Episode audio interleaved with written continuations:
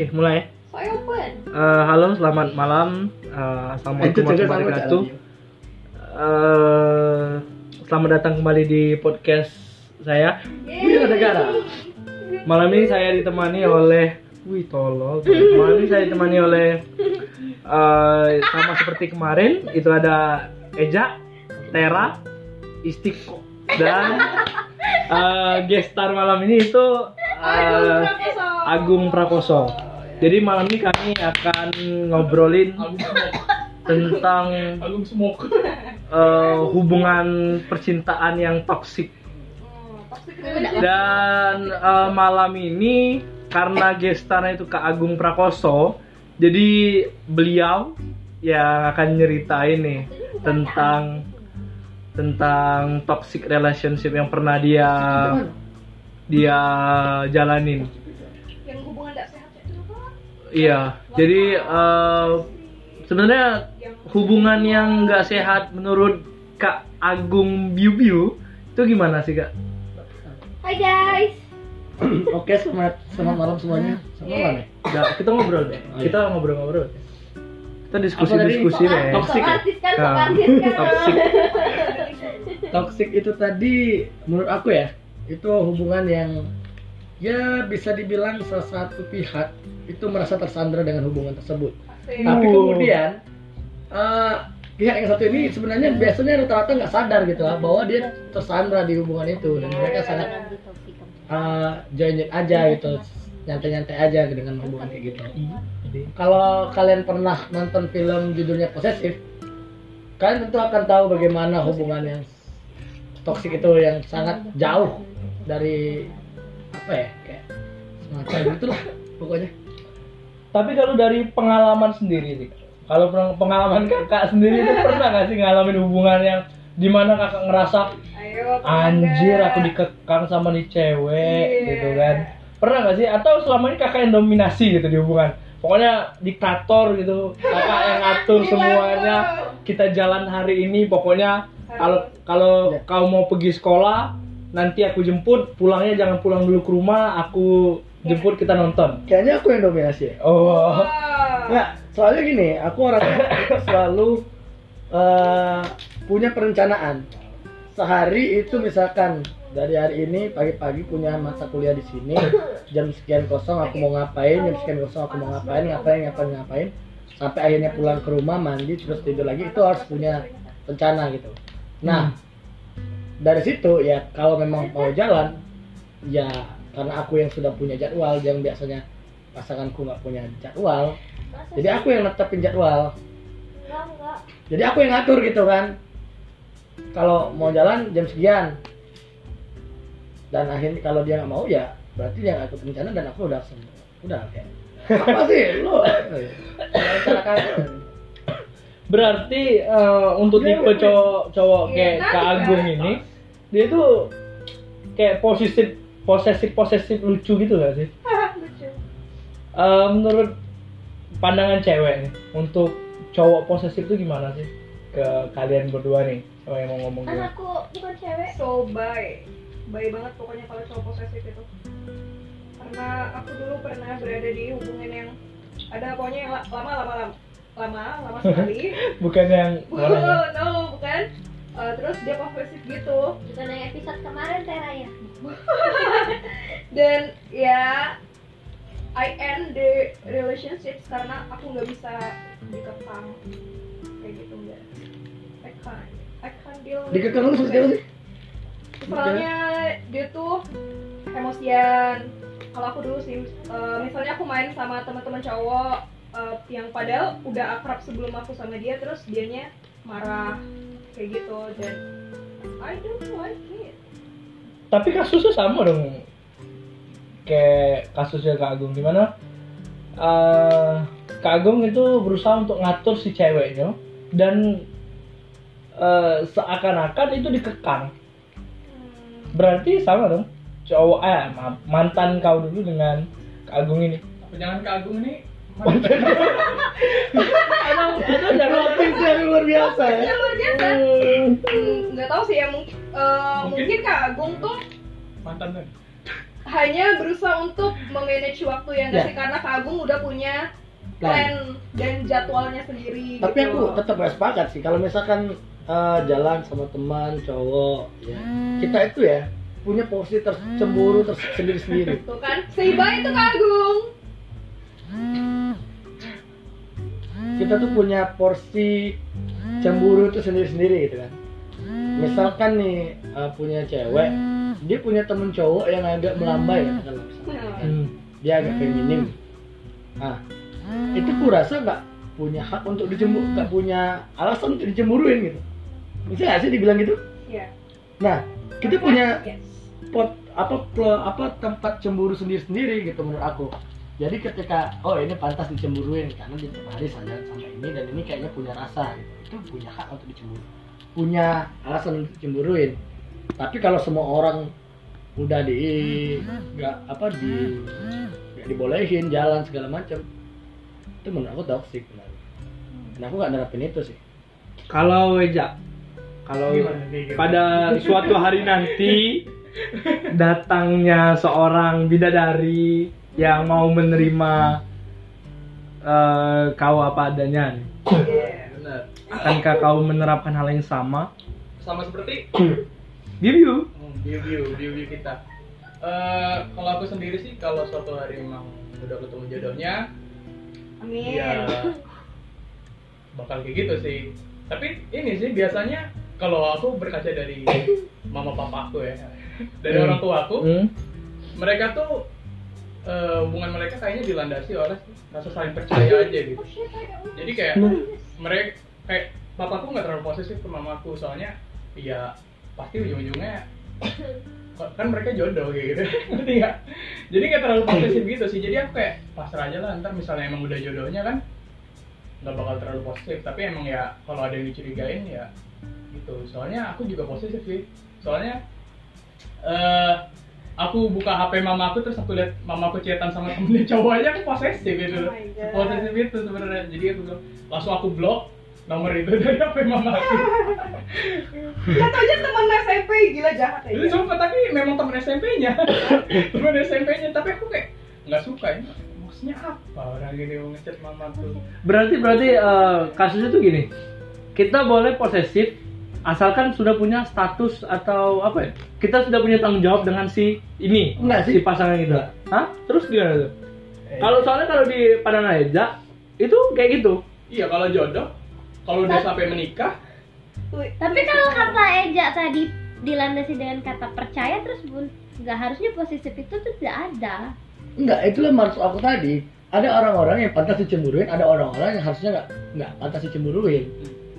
Tapi karena kita Tapi dalam hubungan, kan udah bilang kayak gitu. Eja tadi temen SMP-nya langsung dia cemburuin langsung dia blok. Temen Iya. SMP mamanya. Punya standar tersendiri sih menurut aku. Nah, apa yang dibicarain gitu kan? tapi itu mama aku ya bukan kekasih aku tapi aku ah, memang aku orangnya posesif tapi aku Posesif. mencoba untuk tidak posesif itu. FYI, Iya. Eja cemburuan banget, baperan banget, posesif iya. Jangan lu pacaran sama Eja. Nggak apa-apa tapi kalau menikah Teman tapi mereka. Mas tapi menikah. poin yang didapat dari Eja tadi, dia itu oke kita boleh posesif asalkan kita sudah punya kejelasan dalam hubungan. bener bener banget Tapi da, kalau menurut Kak Agung ya fine fine aja gitu posesif. Ya ini ya, ini yang disebut dengan relasi kuasa gitu. Kalau iya serius, ini disebut dengan relasi kuasa. Ya Ini teorinya feminis. Oh, bahwa feminis. kekerasan itu lahir dari relasi kuasa, relasi kuasa yang timpang gitu. Ketika ada uh, ini juga dilanggengkan dengan budaya patriarki kita ya, bahwa laki-laki lebih tinggi dari perempuan. Akhirnya uh, ada sebuah relasi kuasa ketika kita berhubungan, lalu kemudian apa kita menjalin hubungan, uh, yang satu merasa punya hak atas yang lainnya. Relasi kuasa itu yang akhirnya membentuk kekerasan-kekerasan yang terjadi, termasuk uh, apa yang ngatur tadi, toxic tadi, yang kemudian posesif tadi. Aku gitu. Bener gak sih? tapi belum tentu sih Oh, belum dapat poinnya, tapi eh, jadi berarti posesif itu atas dasar relasi kuasa misalnya kita merasa kalau kita dominan. dia. Kalau kita lebih Iya. dominan. jadi kita harus merasa oh dia tuh milik kita ngapain anda Iya, Coba masuk ke dunia it. kami berdua kayak gitu That's it. Kupikir itu lahirnya dari situ. Nah, bagaimana cara menanggulanginya? Menurut aku gini, bahwa hubungan itu dilandasi dengan konsensus, kesepakatan, perjanjian, dan itu melandaskan kedua pasang insan ini laki-laki dan perempuan, laki-laki dan laki-laki, perempuan dan perempuan, itu berasal dari uh, memiliki kesamaan. Mereka sama, mereka sama-sama, Uh, kayak ibaratkan dua buah negara dua negara ya kalau HI ya negara yang kemudian menjalin kerjasama menjalin perjanjian. Oke kita berhubungan dalam satu ini. Nah silakan tinggal diatur sendiri perjanjian perjanjian seperti apa yang ingin dilakukan. Seperti misalkan oke kita pacaran. Ah, tapi kayaknya aku gak ini deh kalau misalkan kamu terlalu dekat dengan dia segala macam tapi itu harus lagi-lagi dilandasi dengan konsensus dan jangan tanpa ada desakan dari faktor yang dominan. Tapi kalau menurut aku aku setuju juga sih yang tentang hak kepemilikan dan apa namanya? Tadi? Relasi konsensus? kuasa. Hah? konsensus. Konsensus terus Iya. apa relasi kayak ada agreement ya. gitu dari dari di awal iya. Relasi kuasa ya? Tapi Hmm. tapi lainnya mungkin kak Kak Agung ini eh, memandang bahwa pacaran itu ada relasi kuasanya juga kayak gitu. Tapi kalau menurut aku relasi kuasa itu terbentuk setelah kita menikah seperti itu jadi ada ikrar yang benar-benar tertulis di atas kertas sehingga ya kita boleh posesif ke dia kayak gitu. Tapi kalau menurut aku untuk hal pacaran itu biasa aja sih jangan Nah, nanti ceweknya boleh nggak posisi ke kamu? Yang cewek boleh posisi ke posisi ke Eh, cowok? aku sih posesif sebenarnya senang-senang aja. Soalnya apa ya kalau karena dia belum pernah pacaran. Kalau lihat ada orang yang kalau lihat ada orang yang positif itu berarti kayak oh dia ini benar-benar sayang kayak gitu. Aku ngeliatnya dia itu benar-benar sayang kan kayak gitu. Eh, tapi apa ya dari tadi poinnya tuh seolah-olah si cowok ini terlalu dominan dan si cewek terlalu merasa terkekang. Pasti ujung-ujungnya itu masih disebut dengan toxic relationship. Sedangkan si eh, di poin yang disampaikan Kak Agung tadi itu mencoba supaya kita tuh apa ya justice gitu adil antara antara eh, hubungan itu kayak gini ada rulesnya ada gini. Sementara kalau kalau kalau pandangan aku hubungan itu jalannya hubungan jalannya pacaran segala macam itu tuh kayak natural aja gitu. Berjalan apa adanya kalau mau cemburu ya nggak apa-apa kalau mau gini gini. Tapi kalau aku sih gitu lebih lebih lebih apa ya natural aja jalannya. Nggak mau kayak ada eh, ada SOP untuk ngatur kalau pacaran nanti eh, harus gini gini gini gini. Harus ada strategi. Kalau kita mau langgeng maka kita harus seminggu sekali itu ketemuan. Eh, kalau kita mau sampai dengan pernikahan maka keluarga kita cepat dipertemukan. Eh, menurut aku sih nggak natural banget gitu jadinya. Kalau dari pandangan si cewek pun merasa kayak terlalu terkekang kalau menurut aku kalau punya pacar atau hubungan yang kayak gitu terus kalau bagi cewek nih harapan bukan harapan sih apa ini benar tuh pengennya hubungan dengan si cowok itu gimana sih sebenarnya? Kalau aku? Ya. Em, bagi cewek perspektif cewek. Karena untuk tadi kayaknya kami yang cowok itu merasa pengen dominan pengen apa ya kayaknya sih kalau dari kami perspektif cowok cara kami kalau bukan aku bukan aku ya antara Kak Agung dan si Eja cara kami menunjukkan kasih sayang kami bahwa itu lewat dominan kami memberikan apa itu tadi? Memberikan rules memberikan uh, apa tuh kayak posesif itu berarti kami sayang. Kalau kalau aku dapat poin dari mereka berdua nih. Kalau menurut kalian berdua nih gimana sih? Kalau aku lebih suka hubungan yang eh, mutual. Ibaratnya tuh saling dukung gitu loh. Saling dukung bukan saling eh, mengekang. Beda mendukung sama mengekang. Jadi ti- eh, apa ya? Ya apa yang membuat pasangan kita bahagia kita kita support kayak gitu. Jadi jangan tidak mem- tidak membatasi pasangan kita tuh untuk eh, mengembangkan potensi dirinya kayak gitu. Menurut aku sih. Kalau aku sih itu tuh udah ya tandanya sayang gitu. Tidak harus mengekang tapi aku juga kayaknya terlalu tidak mengekang juga sampai kelepasan juga. Tapi maksud tadi bukan mengekang kayak gitu loh. Maksud aku tadi mengekangnya apa ya? Kayak wajah kecemburuan. Tapi eh, reaksi dari kecemburuan itu tidak maksudnya yang tidak berlebihan boleh cemburu misalnya kan eh, cemburu nanya ya oh ini siapa sih Oh iya, Gitu, iya. gitu. Eh, Kan- dan cemburu itu penting ya, jangan sampai Heeh. terlalu berposisi Nah tapi posisi posisinya aku tuh cuma palingnya posisinya aku cuma palingnya sampai kecemburuan terus aku nanya itu siapa sih terus oh teman dari mana dari SMP dan sebagainya misalnya kan nah habis itu ya udah kan kita kan udah tahu itu kayak gitu maksudnya statusnya Tapi dalam hubungan itu kita sering nggak sepakat tentang batasan-batasan. Eh, misal, aku cemburu. Nah kita sering nggak sepakat batasan tentang cemburu itu gimana dan penyelesaiannya gimana. diobrolin. Kadang-kadang si cewek pun ketika kita ya udah aku minta maaf aku nggak gini-gini. Udahlah kamu itu gini-gini gini-gini. Kayak apa ya? Kayak eh, kita sering eh, nggak sepakat dengan sesuatu yang memang harus berjalan secara natural aja gitu. Oke kita cemburu. Oh, Oke aku cemburu sama kedekatan kau dengan si cowok itu. Tapi jangan juga kau terlalu berlarut-larut membawa masalah ini sampai sampai seterusnya gitu. Sebenarnya metode yang paling bagus itu gimana sih? Kalau menurut hilang ah Bilang, kalau menurut kamu kayak gimana? Aku tuh dari opinion. kalau aku ya, kalau aku pengalaman nih, pengalaman. waduh pengalaman Kita semua di sini bawa pengalaman juga jangan. Iya sih pengalaman. Aduh, pengalaman. Aku udah apa ya? Saat, saat dua dua dua hubungan eh berakhir karena itu tadi kecemburuan buta itu tadi. Dan aku udah berusaha untuk menempatkan posisi aku ya mendengarkan ke- apa maksud kecemburuan dia eh, dan ujungnya ya tetap berakhir dengan kecemburuan buta itu tadi.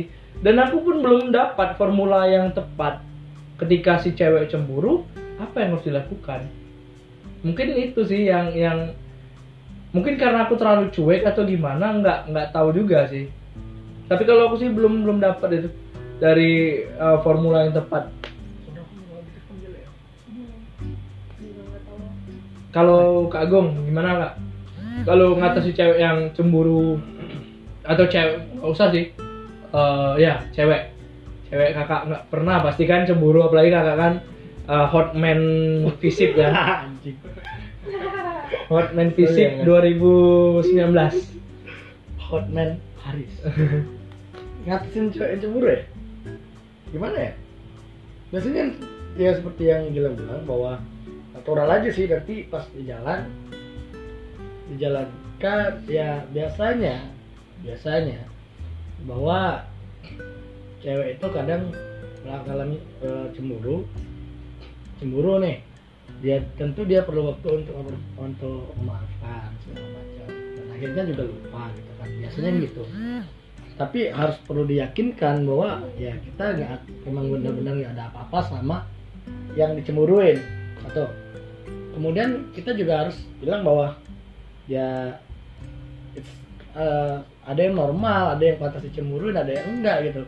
Ketika aku sama kalian yang ada ceweknya ada Tera ada Istik ya. Kan itu ya itu nggak pantas dicemburuin menurut aku karena kan kita berada dalam satu organisasi gitu kan misalkan saat kita kerja bareng gitu kan. Yang kayak gitu nggak pantas dicemburuin gitu. Kecuali dalam perkembangannya misalkan aku kita jalan terus nih ke mana akhirnya saling mesra saling rawat segala macam mungkin lah itu bisa dicemburuin. Makanya aku bilang lagi bahwa ya ada yang pantas dicemburuin ada yang nggak pantas dicemburuin. Kalau emang eh, menurut aku kalau memang kita sudah melakukan hal yang kiranya emang pantas dicemburuin misalkan emang kita punya niatan untuk mendekati cewek lain misalkan aku rasa kita harus minta maaf sih aja Iya karena apa ya? Kita tuh sering nggak sepakat pandangan kita mengenai eh, cara menafsirkan kecemburuan. Sam- sampai sampai itu jadi momok yang mengakhiri sebuah hubungan. Sebenarnya eh, kalau pandangan aku bed- eh, itu hubungan itu ya berjalan sebagaimana mestinya. Sebagaimana mestinya. Kalaupun memang kita punya kepercayaan dengan pasangan kita maka eh kalau kita cemburu berarti kita tuh nggak percaya dengan pasangan kita sendiri. Tapi kalau kita udah percaya bahwa dia nggak bakalan gini gini gini gini ada main belakang atau main gila dengan cewek lain atau main gila dengan cowok lain maka eh, sebenarnya kecemburuan itu hanya perspektif sub, eh, maaf itu hanya subjektif penilaian kita aja kalau menurut aku sih gitu. Eh, mungkin itu aja sih eh, podcast aku malam ini. Dan terima kasih sudah membersamai semuanya. Dadah. Eh, dadah. Wassalamualaikum warahmatullahi wabarakatuh. Iya,